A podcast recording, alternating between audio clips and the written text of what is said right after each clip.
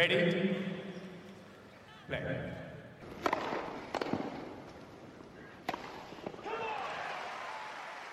Merhabalar, Raket Servise hoş geldiniz. Ben Gökhan. Ben Anıl, merhaba. Evet, geçen hafta bir ara vermiştik. Bu hafta Paris turnuvası, Paris Masters yeni bitti. Bugün final oynandı.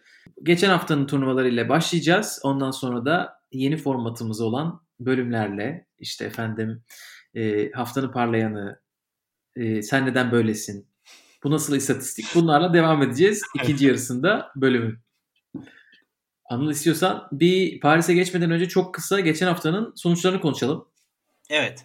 İlk başta bir tabii önemli olan turnuva e, bir Masters yoğunluğunda demiştin sen son bölümde. ATP 500 olan Viyana turnuvası. E, Djokovic buraya sene sonu bir numarasını almak için ekstra kayıt olmuştu. E, normalde planında olmayan bir turnuvaydı bu. Ama davetiye ile geldi Viyana'ya. Ama turnuvayı bu sene en çok artık turnuva kazanan ünvanını kendi başına ele geçiren Andrei Rublev kazandı. S- Finalde Sonego'yu yenerek herhalde Rublev'dan önce bir e, Sonego Djokovic maçını konuşabiliriz. Gökhan tabii ki bu konuda herkesin kendi fikri var ve biraz da yorumlaması zor bir konu. Ama ben Djokovic'in o seviyede oynamasını eğer bir hastalığı falan yoksa biraz tanking diye tabir edilen bir numarayı garantiledim. Artık e, oynasam kazansam da kazanmasam da önemi yok tadında çıktı bu maça bence. Ve ben biraz yadırgadım açıkçası oyun seviyesini. Sonego'yu kesinlikle şey yapmak istemiyorum yani. E, Djokovic maçı bilerek verdi. Sonego aslında kötü oynadı değil. So- Sonego da hayatının tenisini oynadı gerçekten. Ama yani Djokovic Djokovic gibi değildi o gün. Çok garip bir maçtı gerçekten. Evet hatırlamayanlar için şu arka planı da verelim. Djokovic Viyana'ya işte dediğimiz gibi bir numarayı almak için gel- geldi ve çeyrek finale çıkmasıyla zaten bir numarayı garantilemiş olacaktı. Bu da çeyrek final maçıydı. Zaten bir numarayı artık garantilemişti. Önceki maçlarda Krajinovic ve Çoric gibi aslında kendisini çok daha fazla zorlayacağını düşündüğümüz isimleri yendi Djokovic. Sonego'nun e, bundan önceki sanırım 10 tane sert kort turnuvasında galibiyeti bile yokmuş. Ama o da kendince gerçekten çok iyi galibiyetlerle gelmişti zaten. Hem Lajovic hem de Hurkaç'ı yenmişti. Ee, ben de dediğine katılıyorum. Hani Djokovic e, ya kendisinde değil büyük ihtimalle motivasyonu sıfıra yakındı herhalde o maç. E, böyle e, simgesel turnuvalara katıldıklarını görüyoruz oyuncuların. İşte Federer geçen sene Rotterdam'a katıldı. Pardon 2018'de Rotterdam'a gitmişti. Bir numarayı eline geçirmek için. Başka işte Murray'nin 2016'da böyle ekstra oynadığı turnuvalar vardı. Ama genelde katıldılar mı sonuna kadar devam ediyorlardı. Djokovic burada Kupayı alıyorlardı Gökalp yani. en azından evet bir finale kadar gidiyorlardı. Djokovic burada biraz erkenden elenmesi. Hele 3 oyun kazanarak sadece elenmesi. Yani Kariyerinde bu kadar az oyun kazandığı başka tek bir maç var. O da ta 2005 yılında. Ee, onun için bu bayağı şaşırttı herkesi. Ama Sonego gerçekten dediğin gibi çok güzel oynadı. Zaten sonra da e, yarı finalde Dan Evans'ı da sert kortta ona göre çok daha iyi oynayan e, Dan Evans'ı da geçti ve finalde Rublev'a kaybetti. Rublev'un 5. kupası her bölümümüzde yeni bir kupa kazanmış oluyor. Kendisi. ben e, Sonego mesela Djokovic'i yenmeseydi o tur atıyorum bay geçseydi hiç maç yapmadan Dan Evans'ı yenemeyeceğini düşünüyorum. Ya, tenis biraz da burada çok mental bir spor olduğunu tekrar gösteriyor. Dan Evans'a karşı da e, Djokovic'i yenmiş olmanın özgüveniyle çok iyi oynadığını düşünüyorum. E, bu da e, gerçekten bir insanın kortta ne kadar rahat hareket edebildiğiyle neler yapabildiğinin paralelliğini e, gösteriyor biraz da. Evet çünkü Sonego zaten e, bu Djokovic maçından önce bir maç kaybetmişti. Elemelerde maç kaybedip şanslı Lucky. kaybeden olarak da kuraya dahil olmuştu. Onun için herhalde şampiyondan çok onu konuşmamızda herhalde böyle bir pay var diyebiliriz. E, diğer tarafta Andrei Rublev Kevin Anderson'ı yendi. Kevin Anderson orada Medvedev'i yendi. Şu anda geri dönüp baktığımızda Anderson'ın Medvedev'i hani kapalı kortta yenmesi herhalde daha da büyük e, değer değere bürünmüştür. Rublev'a karşı ikinci sette 4-1 gerideyken çekildi Maalesef. Anderson. Ve Rublev e, Viyana'yı kazandı. Çok kısaca bir Nur Sultan'a da değinelim istiyorsan. 250'lik bir turnuvaydı o ve John Millman Adrian Manarino'yu yenip e, şampiyon oldu ve John Millman'ın kariyerinin ilk şampiyonluğu. Evet, Federer'le alakalı olmayan tek haber değeri taşıyan konusu oldu John Millman'ın bu sanırım. Bütün kariyeri Federer'e ızdırap çektirmek üzerine kuruluyken bir sonunda ilk ATP kupasını almayı başardı Nur Sultan'da. Sonra zaten geldi e, Paris'te ilk turda güle oynaya elendi diyebiliriz yani. Zaten hani böyle e, bir ertesi günde e, direkt sanırım maç yapmıştı. Çok şartlar olarak zordu hakikaten. Evet. Orada şampiyon ol, uç, gel filan. Hani ben çekilse bile yadırgamazdım ama o tabi ayak bastı parasını alıp yenilmeyi tercih etmiştir. E yani evet, çok... parasal boyutu da bir, bu işin bir gerçeği Gökalp yani. Tabii bir de yani orada sadece para alıp hiç maç ve puan kazanmadan dönenler var. Kariyerin ilk kupasını kazanıp döndü. Yani çok sonuna kadar değerlendirdi. Tabii yani çok zor bir şey yapmaya çalışıyordu. 5 ee, saatlik bir zaman dilimi farkı var. Hani jet lag var.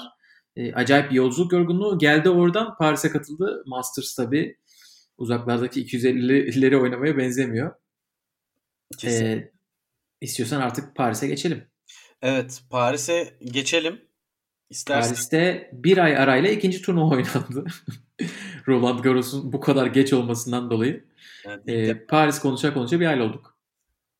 Yani indoor zaten hani çok oynanmıyor. Özellikle master seviyesinde zaten e, başka Şanghay var. E, İki tane evet. Bu sene oynanmadı o da. İkisi de zaten Rolex'in. Kapalı turnuvaları kaptırmıyorlar. Kapalı kortları.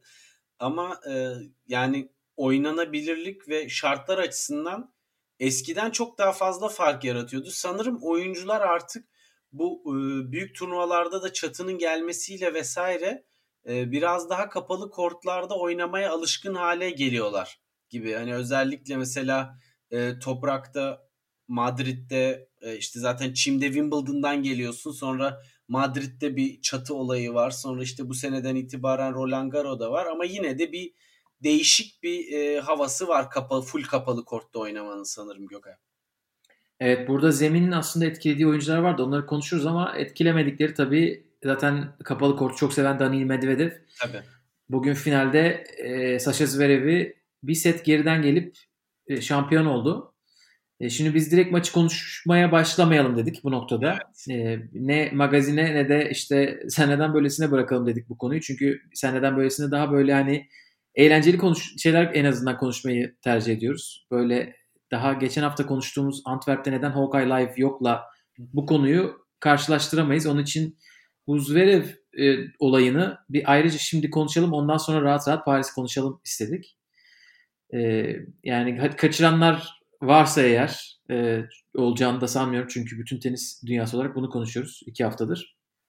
E, Zverev eski kız arkadaşı Brenda Patea'nın hamilelik haberini öğrendiği gün aynı gün başka bir eski kız arkadaşı Olga Sharipova'nın işte e, eski bir erkek arkadaşım geçen Ağustos beni e, bana fiziksel şiddet uyguladı mesajıyla karşı karşıya kalmıştı ki ilk mesajların aslında Sharipova Zverev olduğunu söylemiyordu bunun. Sonra açıkladı. Evet ben Zverev'den bahsediyordum. E, ve hani ciddi bir şiddette maruz kaldım e, kolumu büktü, yastıkla beni boğmaya çalıştı, duvarlara çarptı gibi şeyler söylüyordu ki bunlar Amerika açık oynanırken yaşandığını söylüyor e, Sharipova 2019 Amerika açık için. E, bu sene yoktu zaten ayrılardı hani e, öyle bir beraberlikleri yoktu bu sene Amerika'dayken değil mi? Evet. E, 2019 Amerika açık olması lazım. Karıştırıyor muyum? Yok yok. 2019 Amerika açık. Sonra bir, bir süre sonra ayrılıyorlar bildiğim kadarıyla. Sonra zaten bu diğer Brenda Patea ile ilişkisi başlıyor Zverev'in. E, bunların üstüne Zverev sadece bir e, Instagram postu layık gördü. İki herhalde olayı birleştirmesi eleştirilerden bir tanesiydi. E, en başta işte e, hamilelikle alakalı bir açıklama yaptı. İşte çocuğum olacağı için hani mutluyum. E, biraz daha böyle olgun bir açıklamaydı ilk kısmı. Medya üzerinde, medyanın göz önünde yapmak istemiyoruz e, bu işleri. E, ama hani çocuğumun büyümesinde şey yapacağım, işte ortak olacağım gibi bir şey söylemiş. Aynı açıklamada e, çocukluğundan beri tanıdığı Sharipova'nın neden böyle bir açıklamayı bu kadar zaman sonra yaptığına şaşırdığını ve bu açıklamaların e, basit bir şekilde gerçek dışı olduğunu söylüyor. Yani simply not true'yu ben biraz kötü çevirdim Türkçe'ye ama e, hiç hani lafı uzatmadan bu söyledi, söylenenler gerçek değil demiş Zverev. E, ve bu kadar. Yani bundan sonra bir açıklama yapmadı. Galiba evet. Paris'teki ilk maçından sonra ben söyleyeceğimi Instagram'da söyledim diyor basın toplantısında. Ee, Alman televizyonuna biraz e, konuştu. Ama orada da esasında basın açıklamasında dediklerinden başka bir şey söylemedi. Tek dediği doğru değil. Bu kadar evet. yani. Ee, evet. Yarcısı da e, sanırım şey dedi hani Instagram'daki son yapılan görüşünden sonra yeni bir görüş farklılığı oluşmamıştır dedi ve konuyu orada bitirdiler de. Yani sanırım hukuki olarak da bir sıkıntı yaşamamak açısından bu işin herhalde uzayacağını onlar da biliyor.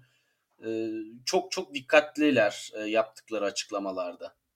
Evet, Zverev'in bu cümleleri kurmasında tabii ki e, hani kendi menajerlerinin e, payı var. Çünkü menajerin işlerinden birisi tabii ki bu. Ve Zverev'in menajerlik şirketi, bağlı olduğu menajerlik şirketi Team 8, e, Federer'in ortak olduğu, e, Tony Gottsik'in de büyük ortaklığı olduğu yani Federer'in kariyeri boyunca neredeyse tamamında e, menajerliğini yapan Tony Gottschalk, Zverev'in de şu anda menajeri.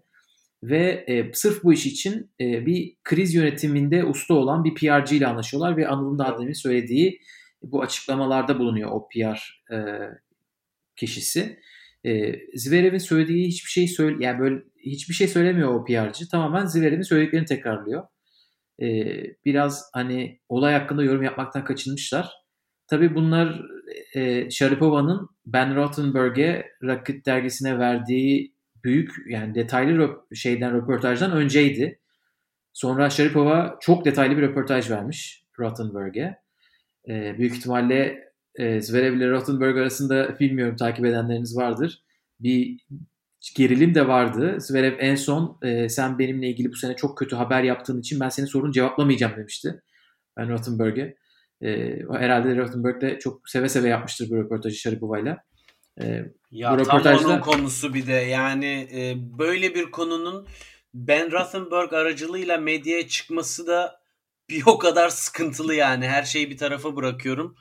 Yani bu adamın manipülatif yanı gerçekten çok sıkıntılı ama e, tabii konunun bir numaralı adayı da odu. Oydu. Ya ben de şöyle düşündüm tam aksin ya aksi değil de e, Ben Rottenberg o kadar güzel yazmış ki yazıyı. Röportaj çok inanılmaz iyi aktarılmış. E, yani ben, ben şey diye düşündüm. Evet onun işi bu olmalı zaten. Tenis dışı şeyler de bu kadar başarılı oluyor. Bu da tenis dışı bir şey olduğu için herhalde röportaj bu kadar başarılı olmuş. E, çünkü tenisle alakalı analizlerini çok fazla okuyamıyoruz. Daha fazla böyle oyuncuların özel hayatları, işte ne, nerede ne, ne yaptıkları, Skandallar. nerede. Evet skandallar bir de anne babası ne iş yapıyor, nereden geliyor. Yani bu tarz genelde New York Times'e yazdığı haberlerle ön plana çıkıyordu. Bu röportajda da Sharapova çok detaylı bir şekilde New York'ta yaşadığı şiddeti anlatıyor. Ee, orada yardıma koştuğu e, başka bir Rus arkadaşı var. Onun evine kaçıyor. Sonra oradaki arkadaşı Sharapova'ya inanmıyor. Arkadaşın annesi de inanmıyor. Ve e, Zverev'i çağırıyorlar. Hani barışsınlar diye onların evine, New Jersey'deki evine baya böyle bir buçuk iki saat uzaklıkta bir yerden bahsediyoruz e, tenis kortlarına. Zverev geliyor. E, sonra ikisi de Zverev'e inandıkları için Olga'yı hadi artık barışın diye biraz zorluyorlar. Sonra geri gidiyorlar. Resmen sonra... tepe damgası yapıştırıyorlar kıza yani.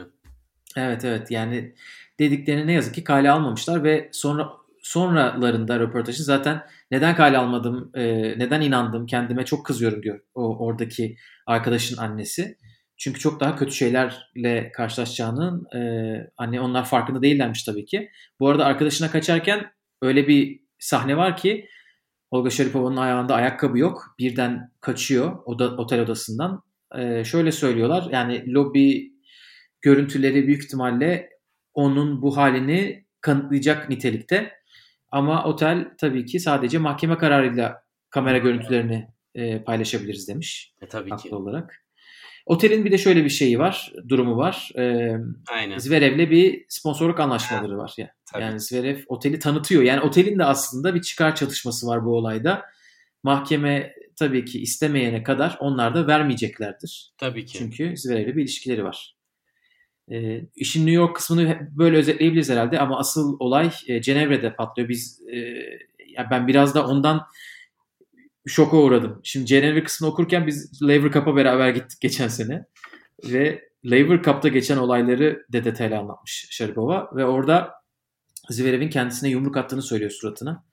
Ve ondan sonra da zaten odaya kapanıp odada neden insülin varmış bilmiyorum ama insülinin hani çok alındığı zaman e, ölümle sonuçlanacağını bildiği için birden insülin almaya karar veriyor. Hani intihara resmen teşebbüs ediyor. Ve Zverev bunun olacağını fark ediyor ve odayı açması için yalvarıyor ve sonra en son artık turnuva görevlisini çağırıyor bir tane. E, ve biliyorsunuz Laver Cup geçen sene itibariyle ATP bünyesine alındı. Onun için turnuva otelinde ve turnuva görevlisi olan birisinin dahil olduğu bir olayda ATP tabii ki sorumlu. Yani hem basına karşı sorumlu, her şeye karşı sorumlu.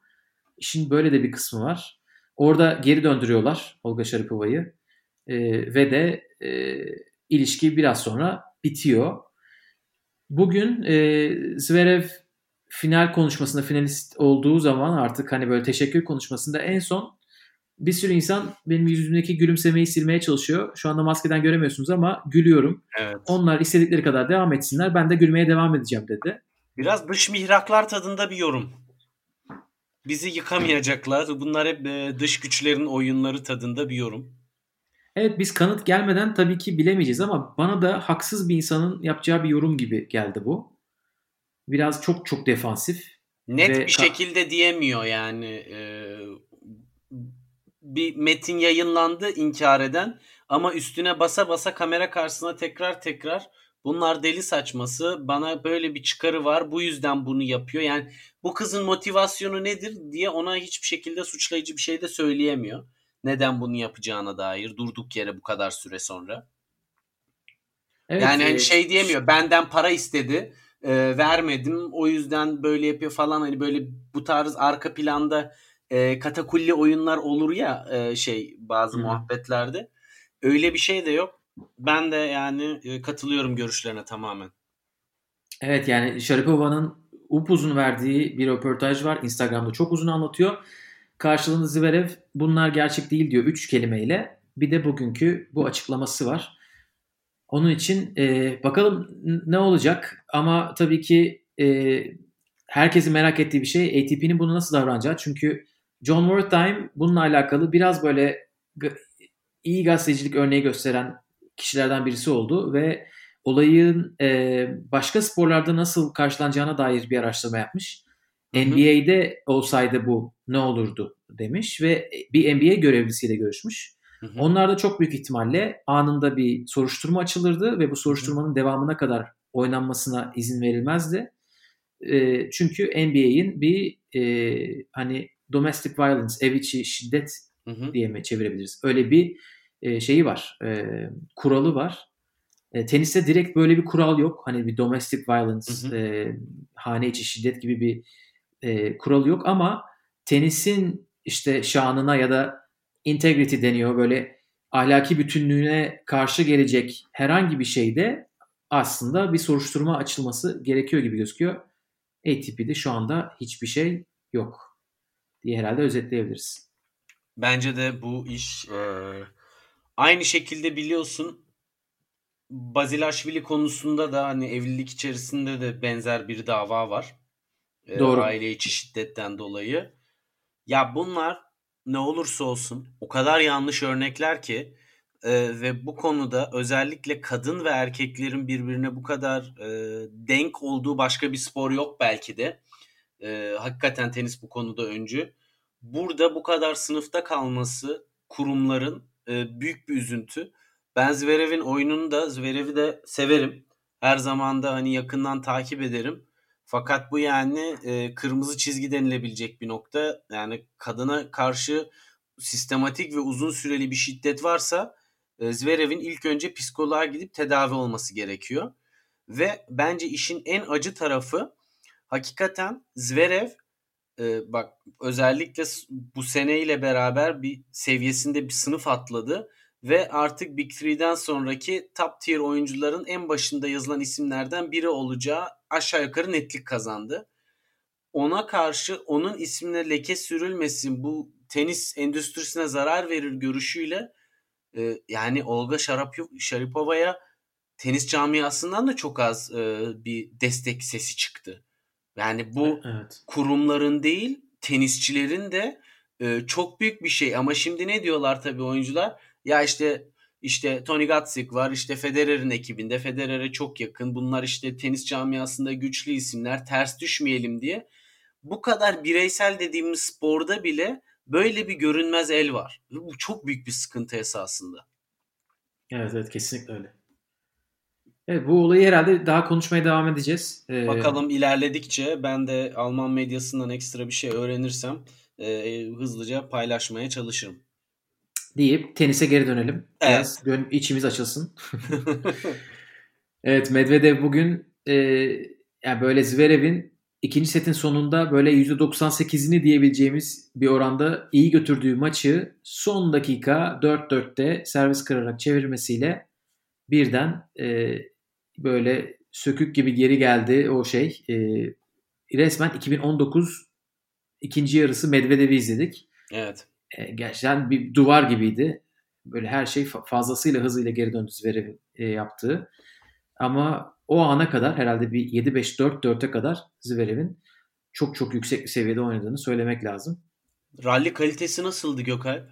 Ben in, yani e, çok kısa söyleyeyim seyirci olsaydı bu maçın atmosferi öyle alev alev o kadar ateşli olurdu ki muazzam ralliler izledik yani bir e, evet. kapalı kort e, sert zemin turnuvası için. Evet evet çok ikisi de çok iyi hareket ediyorlar. Ve hani... 1.98 boyunda iki kişi yapıyor bunu. Yani e, evet. burası çok kritik bence. Ve hani kanat şeyleri mesafeleri çok iyi zaten boylarından dolayı her şeye yetişiyorlar. E, ve öyle çok monoton bir maç da izlemedik. Hani her şey top spin, backhand rallileri değildi. Medvedev karıştırdı. E, Zverev biraz açıya oynadığı zaman kazandı. Çünkü Medvedev tabii ki inanılmaz geriden oynuyor. E, ama e, Zverev çok fazla servisinden sayı kazandı. Bence kendisinin de alışık olmadığı bir şey bu. E, bu turnuvada yani, çok iyi servis attı ama.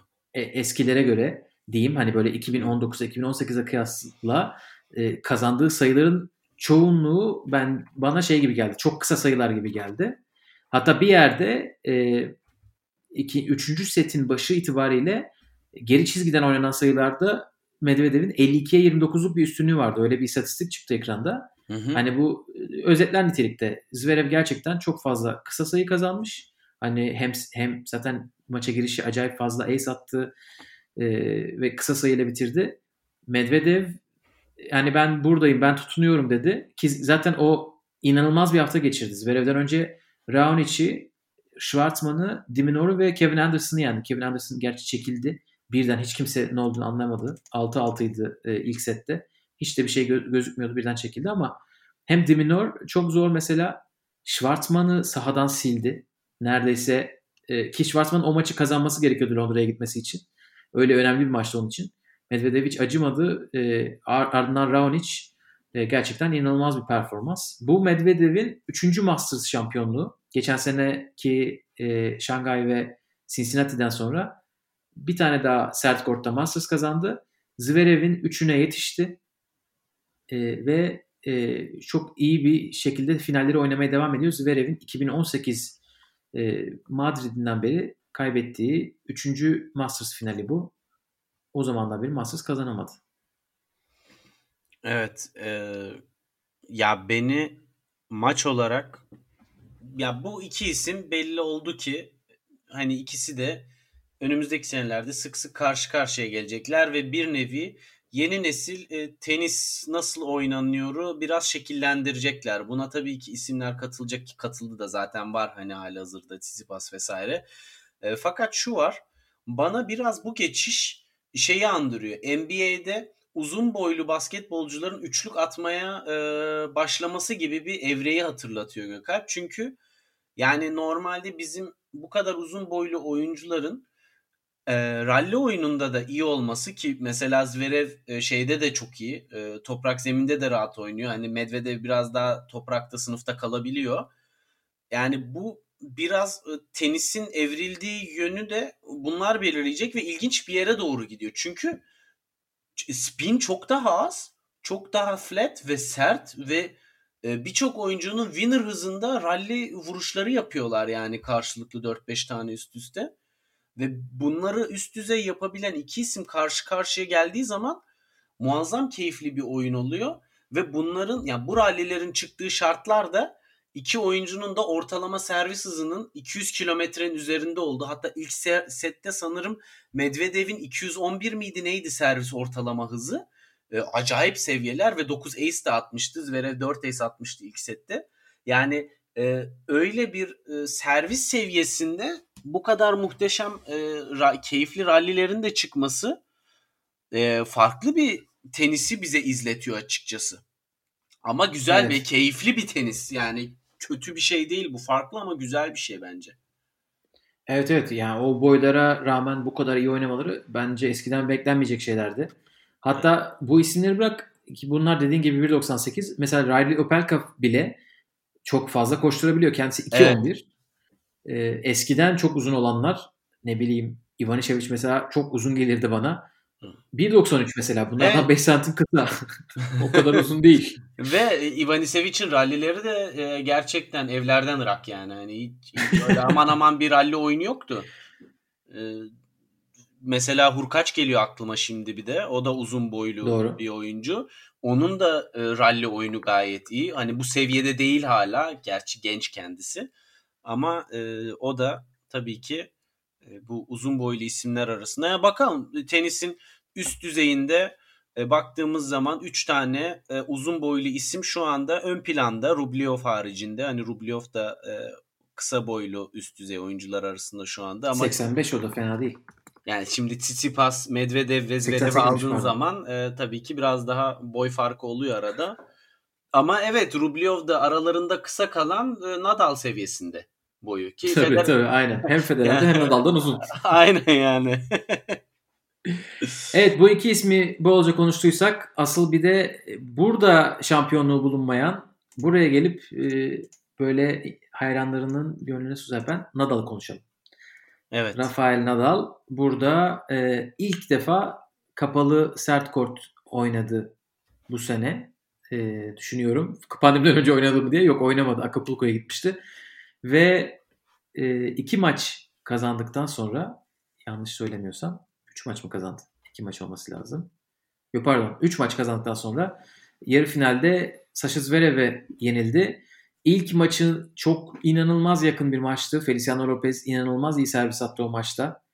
6-4 öne geçti Lopez. Ondan sonra ikinci sette tiebreak oldu ve yakın bir tiebreak'i Nadal kazandı. Üçüncü sette de 6-4 ile kazandı.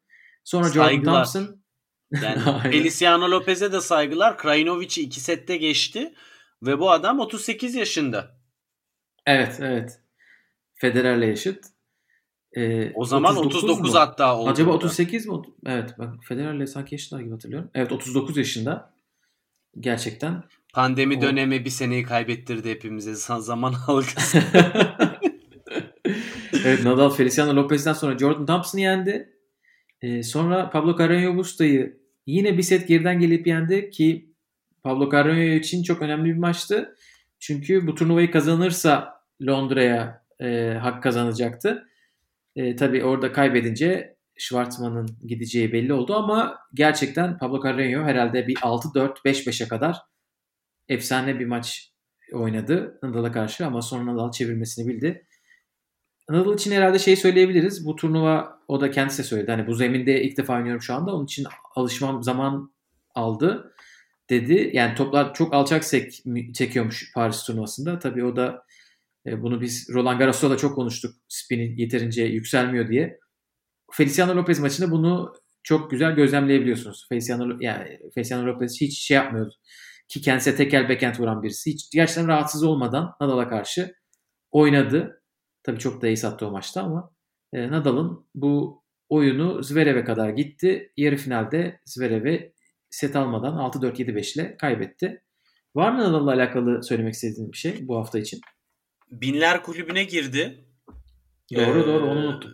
Binler kulübünde dördüncü isim oldu. Hani e, Jimmy Connors, Roger Federer, Rafael Nadal, e, dördüncü kişiyi de Ivan Lendl yanlış hatırlamıyorsam. Ya da yanlış hatırlıyorum. Lendl. Lendl doğru değil mi? Aynen aynen Lendl olması lazım. E, yani tabii ki efsanevi bir başarı, istikrar ve hani şunu söylemek lazım.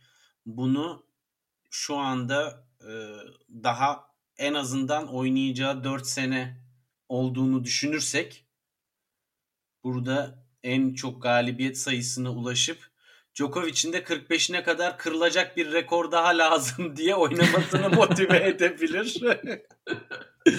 ya ben bunu çok seviyorum gerçekten bu e, özellikle hani kimisi diyor ya Djokovic'in bu Grand Slam hırsı, rekor hırsı falan filan diye. Abi bunlar süper şeyler ya. Bu oyuncular birbirlerini itiyorlar ve hepsi yani Djokovic ve Nadal'ın varlığı belki de Federer'in 2021'de tekrar oynamak istemesi için bir motivasyon. Hani mesela nasıl McEnroe Borg çekildikten sonra motivasyonunu psikolojik olarak kaybetti ve turda son 5 senesi bocalamalarla geçti. Yani bu üç ismin birbirini bu kadar itici güç olması süper bir şey. Ya birinin bir biri birini geçiyor, bir öbürü bir şey geçiyor. Harika yani. O yüzden e, kırmaya devam etsinler rekorları ve tenisi yukarıya çıkarmaya devam etsinler. Aynen öyle. Bakalım bu isimler ne yapacak Londra'da tabii merak ediyoruz. Nadal artık e, sert kortu, kapalı sert kort alışmış olması lazım. Çünkü bu aslında bu kortu da seviyorum dedi bu hafta. Geçen sene Davis Cup finallerini İspanya kazandığı zaman aynen böyle bir kortta 5 maç kazanmıştı. Şimdi e, çok affedersin Gökalp lafını böldüm ama belki e, Zverev turda özellikle sert zeminde Nadal'a en ters gelebilecek isim. Çünkü servis de çok iyi attı o gün. Zaten servis oyununda Nadal'ın çok yapabileceği bir şey yoktu açıkçası. Ee, ve Zverev'in backhand çaprazları Nadal'ı çok çok yoruyor ve özellikle kortu açtıktan sonra o düz çapraz açılı vuruşlara sert zeminde Nadal'a e, bayağı zorla zorluyor. E, öncesinde de bunu başarıyordu. O yüzden Zverev'in güçlü yanı Nadal'ın güçlerini biraz elimine ediyor gibi yani biraz pasifize ediyor gibi. Biraz da ters bir rakipti. Yani dolayısıyla Nadal iyi oynasa da e, yenilme olasılığı var Zverev'e karşı sert zeminde kesinlikle. Evet bunu Djokovic çok iyi yaptı. Hani seneler boyunca Nadal'a karşı. Dediğin bu backhand çaprazı Nadal'ın forentine çok iyi yolladı. Hatta Roland Garros'ta oynadıkları finalde Nadal o kadar fazla Djokovic'in backhand'ine gitmediği için maç öyle birden koptu. Bu, bu, bu hafta öyle değil. Zverev'e karşı sanki çok fazla backhand'e gitti ve Zverev de onları çok rahat alıyor. Hani hem istediği kadar yükselsin top ki burada yükselemiyordu zaten o kadar fazla. Ee, Zverev hani backhand'ine çok güveniyor zaten. Daha kuvvetli olan tarafı dediğin gibi o Rafa'nın forentini gayet şey yapabiliyor, observe, absorbe edebiliyor. Ki Londra'da da bu olabilir. Ee, hani böyle Zverev gibi çok sağlam bir çift el bekenti olan oyuncuları bırakın. Geçen sene Nadal mesela Tsitsipas'la çok yakın bir maç oynamıştı değil mi? Böyle inanılmaz e, uzun sürmüştü maç. Ee, orada Tsitsipas'a yeniliyordu mesela. Medvedev'le çok yakın bir maç oynadı. Üçüncü seti 7-6 biten. Böyle maçlardan sonra onun için bu seneki Londra'da insanın kafasında bir şey oluyor. Merak uyandırıyor. Medvedev, Zverev, Tsitsipas, Team bunların hepsi Londra'da iyi oynayabilecek isimler. Londra'yı kazanmış isim hatta e, iki tanesi.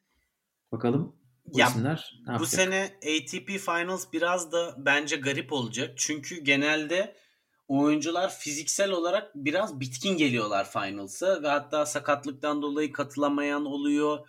Gelse de üst düzey oynayamayıp sırf o puanları toplamak için gelip oynayanlar oluyor. Bu sene e, hem Nadal ki Nadal US Open zamanında bir sakatlığı varmış e, ayağında sanırım Barcelona'da tedavi olmuş onu bir açıklamıştı ama sonrasında bir sıkıntısı yok. Djokovic de e, son Viyana'daki maç durumunu e, o motivasyona bağlarsak onun da bir sıkıntısı yok. E, Medvedev de iyi.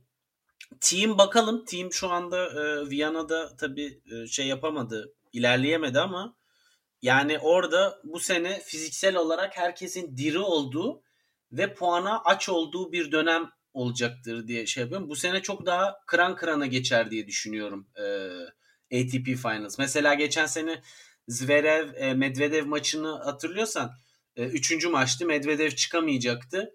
Boş yani, maçtı. Bu bomboş bir maçtı yani. Oysa ki e, biraz bu sene öyle olmaz diye düşünüyorum. O evet Paris'i istiyor Paris'i kapatalım istiyorsan Londra'daki 8'liği konuşalım bir. Kimler katılmaya kazandı? Evet, e, hazır geçmişken. Aynen öyle. E, Londra'ya tabii ki Grand Slam şampiyonlarımız Djokovic, Nadal, Team. Onların arkasından Medvedev, Tsitsipas, Zverev, Rublev ve son olarak da Schwartzman katılmaya hak kazandı. Yani boş yok. Mesela geçen sene Berrettini e, hangi gruba düşse evet orasının lideri kolay bir maç kazandı diyorduk. Bence bu sene öyle bir şey yok. Hele Rublev zaten inanılmaz bir dördüncü torba kurası. Öbür tarafta da Schwarzman var ki çok iyi oynadı bence. Hem Viyana'da çok iyi oynadı hem ondan önce de e, Köln'de oynamıştı galiba değil mi? Yani sert kortta hiç beklemediğim kadar iyi oynadı Schwarzman. Ondan üstteki isimler tabii e, Medvedev ile Zverev falan oynadılar. Çok iyi bir kadro bizi bekliyor gibi. Ya herhalde duygusal olarak e, kaldıracağı kupada en çok böyle sevineceğim isimlerden biri de Schwarzman'dır. Ya bu adamın çok ayrı bir hikayesi var yani özel bir bölüm olur hakikaten. Bu 1.70 boyuyla bir insanın bu seviye tenisi oynaması gerçekten e, yani çok çok e, nadir e, bir başarı. Evet. Hele erkeklerde hele servisin bu kadar e, önemli olduğu yani ön plana çıktığı bir yerde. Yani o dezavantajı absorbe etmek için geriye kalan her şey o kadar çok üst düzey olması lazım ki. Ve Hoş. o dezavantajı avantajına da çevirmeye başarıyor Schwartzman.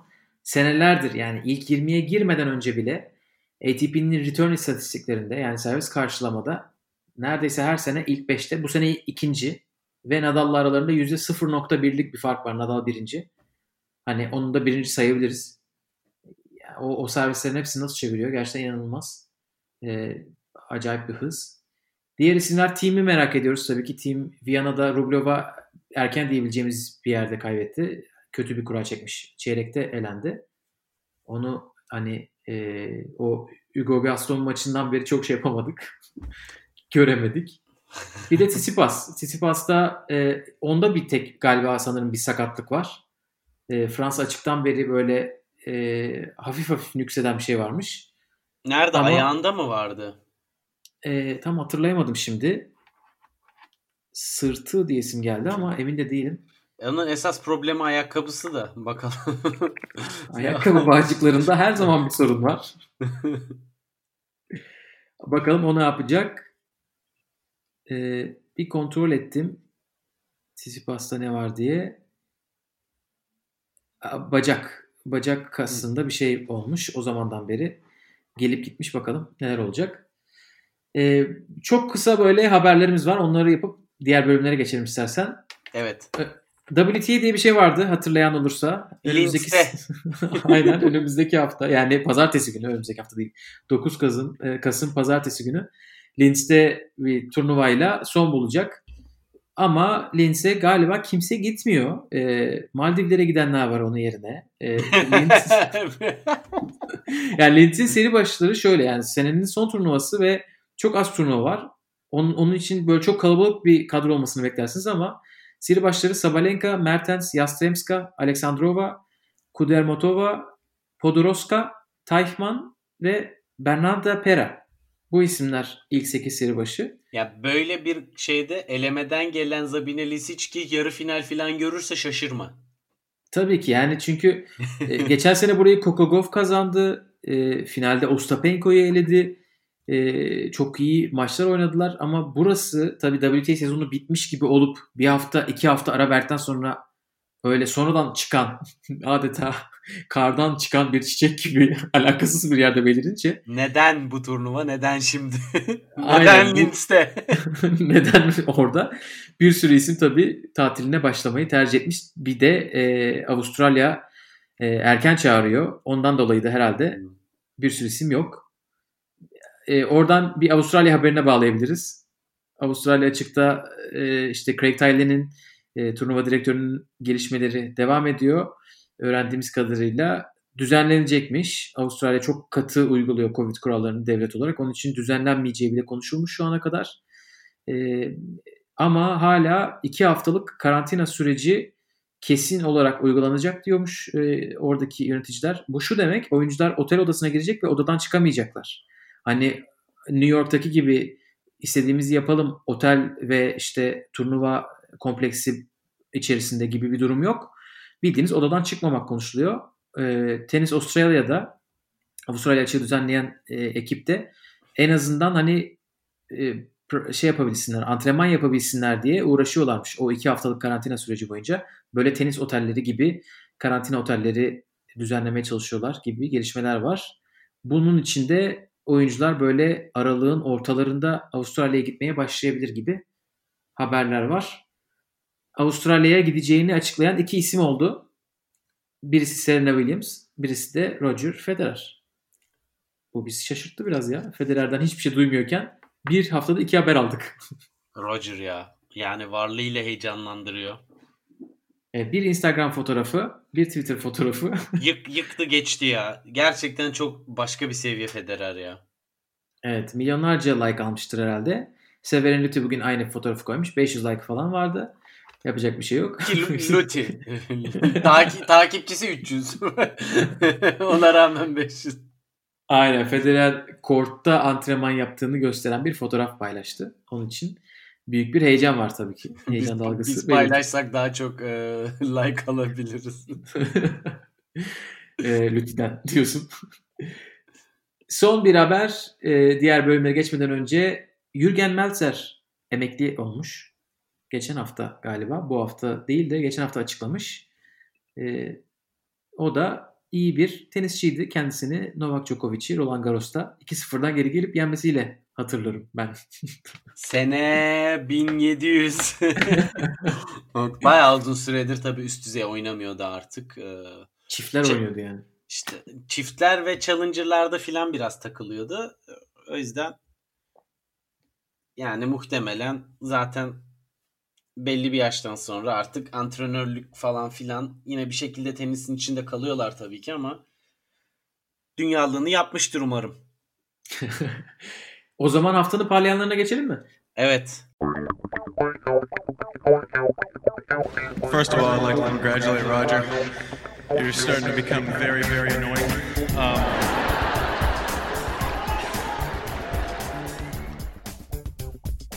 Evet haftanın parlayanları bölümünde geçen hafta bunu dinlemediyseniz ekstra konuşmak istediğimiz bir isim varsa şampiyon olmamıştır böyle biraz daha detaylandırmak isteriz. O isimleri konuşuyoruz. Anıl e, tabii bu hafta ne yazık ki sadece erkekleri konuşuyoruz çünkü kadınlarda turnuva yoktu. Anıl kimi seçtin haftanın parlayanı olarak? Ben haftanın parlayanı olarak sana da sürpriz olacak. Ee, Sebastian Korda'yı seçtim. Gerçekten Kendisi... sürpriz oldu.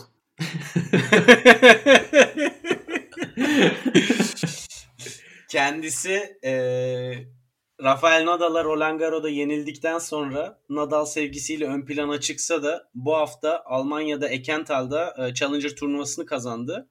Ve turnuvada işte Hindistanlı Ramanathan'ı yendi finalde. Onun haricinde Alex Popyrin'le oynadı. İstanbul Challenger'ı kazanan Ivaşka ile oynadı. E, ve bunları 2-0 e, yendi. Güzel bir turnuva, güzel bir Challenger turnuvası. E, sıralamalarda da ona katkısı olacaktır. Yavaş yavaş geliyor. 20 yaşında. Tabii ki biraz daha geç adı duyuldu ama e, uzun boylu e, yeni nesil tenisçilerin arasına kendisi de ne zaman yazdıracak adını merakla bekliyoruz. Ben açıkçası umutluyum kendisinden. 1.96 boyuyla uzun boylu ve iyi servis atan kriterlerini dolduruyor her şeyden önce. evet ve e, benim gördüğüm kadarıyla bu Challenger turnuvası halı üzerine yani böyle halı carpet denen şeyde oynanmış, zeminde oynanmış. Toprağın tam tersi diyebiliriz ya. Burası çok hızlı bir zemindir ve ATP'de yok senelerdir. 2007'de galiba bu zemin kaldırıldı. Hani çok fazla oyuncunun Big, bu... Big, Big Three'den sanırım Carpet'ta turnuva kazanan tek oyuncu Federer. Diğerlerinin çok katıldığını sanmıyorum Carpet'a. Aynen yani maç kazanmışlardır ama e, bu tarz ben gördüğüme şaşırdım. Bir hani bayağıdır görmüyordum diye. bir de tabii Korda toprakta çok iyi oynadıktan sonra burada da şampiyon olunca dedim ki evet bu arkadaş da her yönlü bir şekilde yükseliyor gibi gözüküyor. Dediğin saydığın isimler de çok iyi bu arada kazan maç kazandı. Ee, bana geçelim mi? Geçelim. Ee, ben de bir o kadar genç olmayan Stan Wawrinka'yı seçmeyi layık gördüm bu hafta için. Ee, Wawrinka'nın çok iyi maçları olduğunu düşünüyorum. Dan Evans, Tommy Paul ve en sonda Andrei Rublev'u artık hani böyle 11 maçtan sonra kazandığı 11 maçtan sonra yenmesi e, ama bence Rublev maçından çok Tommy Paul maçı beni etkiledi. Çünkü ben Tommy Paul o maçı kazansaydı bu bölümde Tommy Paul diyecektim. Çünkü çizdin e, mi üstünü bir acımadın? ya dedim şimdi tek maç kazanıp da buraya yazılmaz. Çünkü Tommy Paul inanılmaz güzel bir G. Simon maçı oynadı ilk turda. Böyle G. Simon'u G. Simon'un oyunuyla yendi. Hani böyle sabırla uyuz e, ederek çok böyle hissettirmeden atak yaparak ama gerçekten böyle e, işte birden kendini kaybedip winner'a oynamadan e, çok böyle olgun bir tenis oynadı. Dedim bu Wawrinka'yı da yener herhalde ki Wawrinka ile çok yakın bir maç oynadılar. İkinci setinde e, Tommy Paul maçı kazanıyordu az kalsın. Wawrinka bayağı iyi çevirdi. Sonra bir de Rublev'u yenince e, Wawrinka'ya ben puanlarımı verdim buradan. Bir de istiyorsan burada bir mansiyon ödülü verelim birisine. Felix Oje Alesim ve Hubert Turkaç çiftler e, kupasını kazandılar Paris'te. İlk kupaları. Ve ikinci turnuvaları. Daha ikinci defa beraber oynamışlar. Ve e, Masters turnuvası kazanıyorlar. Ve karşılarında Grand Slam şampiyonları Amerika açığın Grand Slam şampiyonu Mate Pavic ile Bruno Suarez var. E, Onlar 4 da maç ATP sayısı. Finals'ta e, iki numaralı seri başı yani. Sadece bir Grand Tabii. Slam de kazanmıyorlar. Tabii yani birisinin 3 birisinin 4 slam'i var galiba. 4 maç sayısı çevirdiler. E, ben maçın böyle ortalarına baktım dedim herhalde kaybetmişlerdir. E, çok yakın bir maçtı. E, Viyana turnuvası bu ikisini almamış. Sıralamaları yetmiyor diye. Şimdi herhalde kafaları karışıyorlardır. Felix maç sonu röportajında herhalde bundan sonra böyle e, turnuvalara girememe sıkıntısı yaşamayız dedi. Çünkü tabii ki sıralamaları ikisinin de çiftlerde birden yükselecek 1000 puanlık bir turnuva kazandılar. Ne de olsa e, birbirlerini de bayağı seviyorlarmış. E, en azından Felix Hurkaç için çok güzel şeyler söylemiş. Çok iyi bir insan diye. Felix zaten şeker gibi. Sempatik. Onu kamera önünde çok gördüğümüz için olgun, sakin, aklı başında. Hurkaç'ı daha tabii çok e, kamera önünde e, değerlendirme fırsatımız olmadı. O zaman bu kadar övdük övdük övdük. Şimdi sen neden böylesine geçelim övdük ama Felix'i gömmüyoruz. Aynen. Sasha Zverev again, man. Again, again. How selfish can you be? How selfish can you be? Evet sen neden böylesinde kimi söylüyorsun onu? E, ben Stefanos Tsitsipas diyorum ve e, kendisine sen neden böyle tweet atıyorsun diyorum. Çünkü e, bu hafta yine ilginç bir e, tweet atmış kendisi. E, diyor ki I like how some people claim to be vegan and everything but keep playing with natural gut strings. It's almost like I don't eat meat and burgers but every much I play equals eight dead animals. Yani diyor ki biraz e, bu vegan olayı ve yaşam biçimi çok tutarsız bir şey diyor benim için. İnsanların veganlığına e, kafayı takmış. Yani arkadaş senin insanların beslenme biçimiyle derdin ne? Sen ne yiyeceksen ye. İnsanlara da çok e, karışma diyorum ben bu noktada Gökhan. Ben bu arada başta espri sandım acaba espri değil mi? Gerçekten doğru şey yapıyor olabilir yani hani et yiyorsunuz ama neden e, tenis raketinde hayvan bağırsağı kullanıyorsunuz gibi bir şey demiş çünkü ama gerçi doğal bağırsak da kullanmayalı artık o bayağı eski yani şu anda galiba yarı yarıya. Var hibrit evet. diyorlar evet. Ee, evet bağırsak e, telinden işte. Ee, ya yani evet umuyoruz onun için hayvanlar öldürülmüyordur tabii ama ben Sisipas'ın bu kadar derin düşündüğü bir tweet attığını ihtimal veremedim. Biraz yani, bana espriyle yazmış gibi geldi. Şimdi e, yani Tsitsipas bu. Ne zaman hangi ruh hali ortaya çıkacağı belli olmuyor. Ama muhtemelen e, hayvan tüket hayvanların hayvanlardan faydalanma konusunda eğer e, öldürülen hayvanların sayısına en az katkıda ne bulunur dersen muhtemelen bağırsak telidir. Hani hiçbir endüstride bu kadar az şeyi olan bir durum yoktur. Hani e, o bağırsağa gelene kadar bağırsak teli için hayvanlar öldürülmüyordur muhtemelen. Ölen hayvanların bağırsaklarını alıyorlardır. Yani evet. biraz e, detayın detayının detayın içerisinde boğuldum. Siz de gelin benimle boğulun dedi. O ee, zaman gerçekse çok iyi, şakaysa hiç komik değil diyerek buradan. ya bu ne bileyim oruç tutuyorsun neden küfrediyorsun o zaman falan tarzı böyle şeyler olur ya. Herkes neyi nasıl yaşamak istiyorsa öyle yaşasın. Sana ne arkadaş diyorum Yunan kardeşimize ve komşumuza. Benim sen neden böylesin diyeceğim e, taraf ATP. Komple. Bu sefer kurumu ATP gömelim. Aynen ben ATP'ye her hafta zaten biliyorsunuz laf atıyorum. Ben değil Bu sefer... diyebilirsin Gökalp yani hiç diplomatik olmana gerek yok. Gömmeyi seviyoruz ATP'yi. evet bu seferki sebebi yani Zverev'i burada konuşmayalım dedik ama en azından ATP üzerinden konuşacağız biraz. ATP'nin neden hani Zverev olayını yok saydığını biraz hani sen neden böylesin diyelim dedik. En azından ben dedim yani. Ee, şöyle ki ATP Twitter, Instagram, bütün sosyal medya hesapları Zverev ne zaman maç oynasa ortadan kayboluyor hale geldi.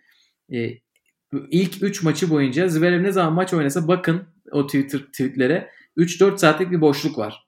Böyle tweet atmıyorlar ya da böyle ikinci korttaki maçın tweetini atıyorlar. Böyle bir ikiyüzlük olmaz be kardeşim. Çıkın yapın işinizi. Sonra tweetinizde atın gerekirse. Soruşturma başlatın. Hani soruşturmadaki oyuncu hakkında böyle tweet atıyoruz deyin. Olmuyor. Sonra bakın ne yaptı? Bu herif de yükseldi, yükseldi. Maç kazandı, kazandı. Nadal'la oynadı. Bakın ha. bakalım atabiliyor musunuz? At, atamadan geçirebiliyor musunuz zamanı? Tabii ki atmak zorunda kaldılar. Bir de üstüne Nadal'ı yendi. Bugün finalde zaten atmak zorundalar. Ee, bu biraz kaçak dövüş gibi geldi bana. Onun için buraya ATP dedim. Yani kesinlikle hak veriyorum sana. Biraz şeye benziyor bu. Ee, Galatasaray Hakan Şükür ilişkisinin e, yumuşak hali ama yani adamı yok sayamazsın. Adam orada ve kazanıyor. Ya da o zaman bir sıkıntın varsa onu da açık açık söyle. Ne şiş evet. ne kebap. Hem karnım doysun hem pastam dursun. Bunlar evet. e, yani Evet, senin sıkıntın var. Seni söylemen lazım. Çünkü sen bu işin başısın bir de. Hani öyle senin öyle bir Aynen, sen ATP'sin ya yani. Aynen öyle. Sen kendini bil. Haddini bil. Kendine gel. evet bu bölümün bir sonraki adı ben bakarsınız haddini bil olur. Bakalım bir sonraki de kendine gel. Evet. Ama 90'lar popunu derinlemesine yaşadığımızda buradan hissettim. Bunları söyleyip bu nasıl istatistik bölümüne geçelim. Uh, okay, seven Australian Opens, 15 uh, slams. Not too bad. Not too bad. Cannot complain. Cannot complain. Evet. Gökalp bu hafta e, biraz e, servisçilerin domine ettiği bir hafta olduğu için e, Masters finalini e, servis üzerinden bir istatistik paylaşmak istedim. Ve bu konuda aklıma Goran Ivasevic'in e, istatistiği geldi. Kendisi 1996 sezonunda tam 1477 ace attı. İnanılmaz. Yani evet, e, çok acayip. Yani 1477 e, sayıyı kazanırsan şükrediyorsun. Kendisi ace atmış. Kaç maç yapacağında kaç servis oyunu olacak da e, bu kadar ace atacaksın. Bundan hani bu istati ace sayılarını konuşmadan önce biraz kısaca şunu da söyleyelim. Tabii ki e, 90-91 yılları gibi e, bu ace istatistikleri tutulmaya başlıyor. Yani öncesinde tenis kariyeri başlayan işte e, üst düzey oyuncular Boris Becker olsun, Pete Sampras muhtemelen daha temizdir istatistikleri. Ama bu tarz oyuncuların e, 80'lere de başlayanların çok böyle net bir şekilde istatistiklerini tabii ki tutmak zor.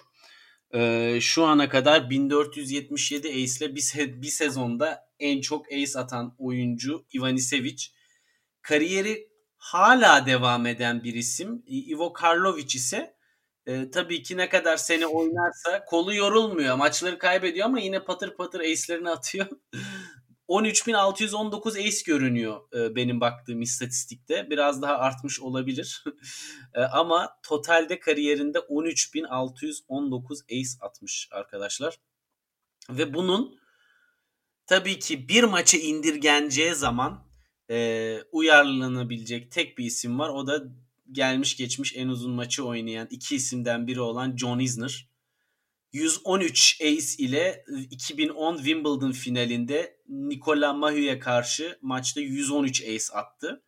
Ve şaşırtıcı olmayan şekilde ikinci sırada bu istatistikte de aynı maçta 103 ace atan Nikola Mahü var.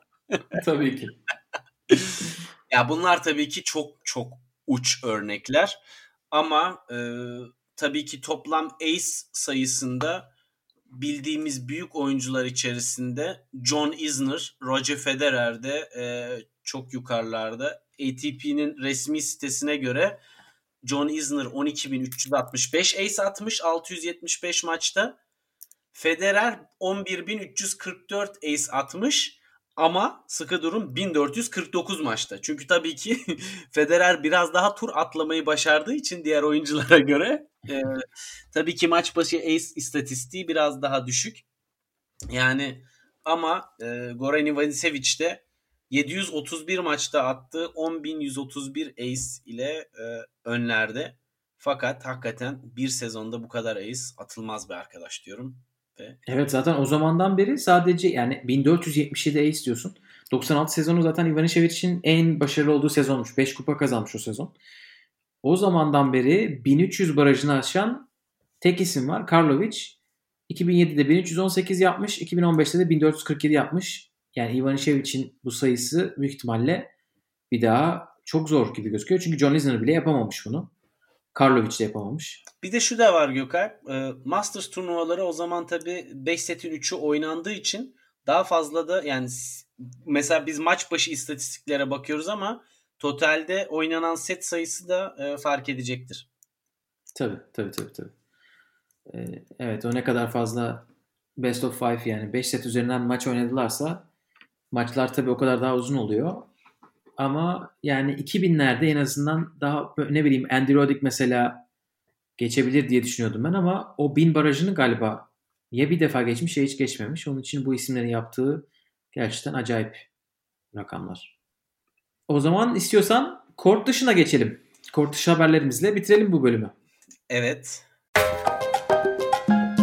What happened in Monte Carlo happened, and what happened in Barcelona happened, what happened in Madrid happened, and here we are. We are in Rome. Evet ilk bölüm şey ilk pardon ilk haberimiz Amerika'dan gelsin ya. Bütün hafta zaten seçim sonucu refreshlemekten bir hal olduk. Ve Bu, bu haberi sana bırakayım. Evet bir defa daha e, gördük ki Amerika seçimlerde de bizi kıskanıp bize özeniyorlar. Gerçekten çok ilginç bir seçim kampanyası oldu ve e, Donald Trump'ın beyanlarını gerçekten bazı yerlerden çok benzerlikler yakaladık. Ama sayım konusunda sınıfta kaldılar. Özellikle Nevada'da muhtemelen e, uzun poker gecelerinden sonra saymaya devam ettikleri için epey beklettiler. E, fakat biz işin tenisçiler tarafında e, siyasi görüşleri net ortaya koyan bazı isimler var iki taraftan da. Burada e, bu seçimde yorum yapan birkaç isim var. Mesela e, John Isner Georgia seçimleri daha beklenirken o zaman Trump öndeydi özellikle hem Georgia'da hem Pennsylvania'da ki bunlar döndükten sonra zaten Trump'ın e, kaybedeceği kesinleşti. Orada The Stars at Night are Big and Bright e, gibisinden bir e, tweet atıyor kendisi. E, ikinci isim de Tennis Sandgren. O da Trumpçı, Trump severliğiyle bilinen bir isim. E, Surely these are the last gasps. How can it be anything else? Yani e, o da biraz meydan okuyucu ve özgüvenli e, bir mail atıyor orada Trump desteğiyle. Öbür evet, bir de o ondan önce bu tabii son gelen oylar çok fazla Trump karşıtı oylar olduğu için biraz şey tweetleri de attı Tennis Sandgren bir ara. Bütün hepsi mi hani Trump karşıtı? Hani neredeyse burada bir hile, hile var, var. diyecekti. Onu yazmamış bir tek. Yemedi. Kendisinin biliyorsunuz Twitter'da şeyi var. E, sicili kabarık. Bir sürü tweetini silmişliği var. E, bu ilk defa Avustralya'da olay olarak böyle olay yapıp 2018'de sanırım çeyrek finale çıktığında tabii ki ünlü olup bütün herkes tarafından eski tweetleri keşfedilmişti. Aşırı sağ işte hesapların tweetlerini beğenmiş falan onlar açığa çıkmıştı. Sonra bir orada bir kendini durdurdu. Şimdi tabii tekrar ortaya çıkıyor. Çok alevli bir hafta geçince Amerika'da kendilerini açık ettiler yine dayanamadılar yani. E, tabii ki Zverev kadar iyi PR'cıları yok anlaşılan. Ama öbür taraftan e, bir de tabii ki özellikle Black Lives Matter e, kampanyasında ön plana çıkan iki isimden biri olan e, Osaka zaten çok ön plana çıkmıştı. Öbürü Kokogov.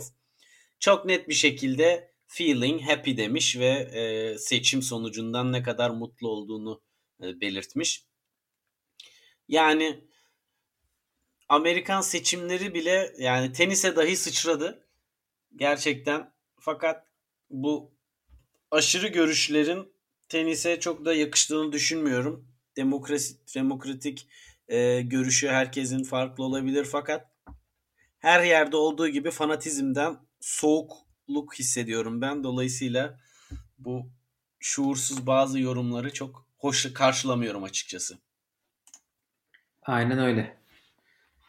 E, Simon Halep en son Covid olarak Covid listesine eklenenlerden birisi tenisçilerden. Ama herhalde tenis ya bütün o profesyonel tenisçiler gibi onun da sıkıntısız geçiyormuş süreci. E, büyük semptom yaşamadan atlatıyor gibi gözüküyor. E, başka haberlerde e, Guillermo Villas'ın Netflix'te bir belgeseli çıktı. E, Villas adı. Yani daha uzun bir adı var ama hani Villas yaratırsanız bulabilirsiniz. E, Guillermo Villas'ın çok değişik bir hikayesi varmış açıkçası ben bilmiyordum. E, çok fazla maç kazanıyor Guillermo Villas. 70'lerin sonunda ve 80'lerin başında. Ama bir türlü bir numarayı ele geçir, eline geçiremiyor. Ve e, ATP'nin kendisine bu e, hani şeyi ünvanı vermediği konusunda kariyeri boyunca şikayet etmiş. E, ve hani o zaman ATP'nin hesaplayıcı sistemine böyle itirazlarda bulunmuş. Çünkü hani çok fazla turnuva kazanıp bir türlü sıralaması gelişmemiş o zamanlar. Ee, bu yani belgesel de bu bir numarayı kanıtlamaya kanıtlamak için yola çıkan bir gazeteci üzerinden Guillermo Villas'ın hikayesini anlatıyor. Gerçekten çok değişik. Hani biraz böyle hani çok Guillermo Villas'ın hayatı gibi düşünmeyin ama hayatının da olduğu bu bir numara hikayesi anlatılıyor daha fazla. Çok ilginç. Ee, o zamanlar tabii hesaplamalar şimdiki kadar şeffaf değilmiş. Onu yani, tavsiye ederiz. Zaten e, açık dönemin yavaş yavaş oturmaya başladığı dönemlerde John McEnroe da kitabında sanırım biraz bundan bahsetmişti yanlış hatırlamıyorsam. Ama e, yanlış hatırlıyor da olabilirim. Ya o tam beraber oynuyorlar. Onun için büyük ihtimalle konuşmuşlardı. Çünkü 77-82 arasında hatta 76-82 arasında bu en çok o dönemlerden bahsetmişler. Ama bir şeyi görmek için güzel bir film. Hani eskilerin tenis atmosferi nasıldı? Çünkü o, o zamanlardan görüntüler gösteriyorlar. Ee, ve na, yani nasıl gelişmiş turnuvalar. Ee, Davis Cup'tan çok güzel görüntüler var. O eski Davis Cup'lar. Ee, onun için tavsiye ederiz. Ee, film demişken bir de kitap var. Gilles Simon kitap çıkardı. Son zamanlarda çok fazla Gilles Simon görüyorsanız Tenis Twitter'da kendisinin e, kitabını tanıtma aktivitelerinden kaynaklanıyor bu. e, Gilles Federer için şunu söylemiş, bunu söylemiş. E, aslında onlar röportajdan değil, kitabın içeriğini böyle kısa kısa paylaşıyorlar tabii ki. E, hani kitapla alakalı e, biraz daha ilgi artsın diye. Ben e, okumaya başladım. E, ilk iki chapter'ı okudum ve böyle gayet değişik şeyler var. Ben biraz daha açıkçası şey bekliyordum hani e, kendi biyografisi gibi sandım ama öyle değil. Tenise dair görüşlerini anlatıyor ve ilk bölümde Fransız sisteminin kötülüğünden bahsediyor. E, en e, böyle en çok üstüne basarak söylediği şey e, biz diyor kapalı kortlarda yetişiyoruz ve kapalı kortlar senenin %10'unda oynanıyor. Aslında toprakta işte e, dışarıda açık sert kortlarda yetişmek varken biz hiç kimsenin oynamadığı bir alanda yetişiyoruz. Onun için uzun zamandır şampiyon çıkartamıyoruz diyor. E, ikinci chapter'ında Federer ayırmış. Sadece Federer üzerinden. E, Federer'in hani ne kadar fazla böyle medyatize olduğunu, e, oyununa ne, nasıl böyle fazlaca tapıldığını söylüyor medya tarafından. Ve biraz e, Federer Federer'e karşı değil ama Federer'e karşı duyulan böyle sevgi, aşırı sevgiden e, sanki böyle oraya karşı böyle bir içerleme var. E, şey diyor bizim federasyonumuz da herkesin Federer gibi oynamasını istiyordu. Halbuki tek kazanma yolu bu değil. Umarım diyor diğerleri Federer'den daha çok Grand Slam kazanırlar.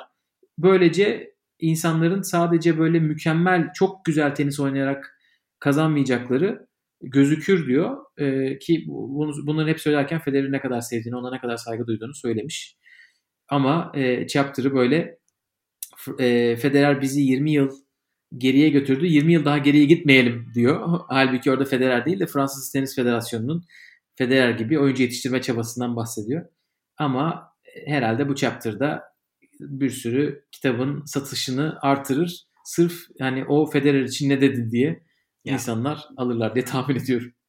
E, bilerek tabii ki konulan şeyler bunlar. Çünkü hani belki de Federer hakkında e, Federer kendisi henüz bir biyografi vesaire e, çok derinlemesine özel hayatından Djokovic gibi Nadal gibi bahsetmediği için insanlar nerede bir şey olsa Federer hakkında öğrensek diye e, biraz arayıştalar.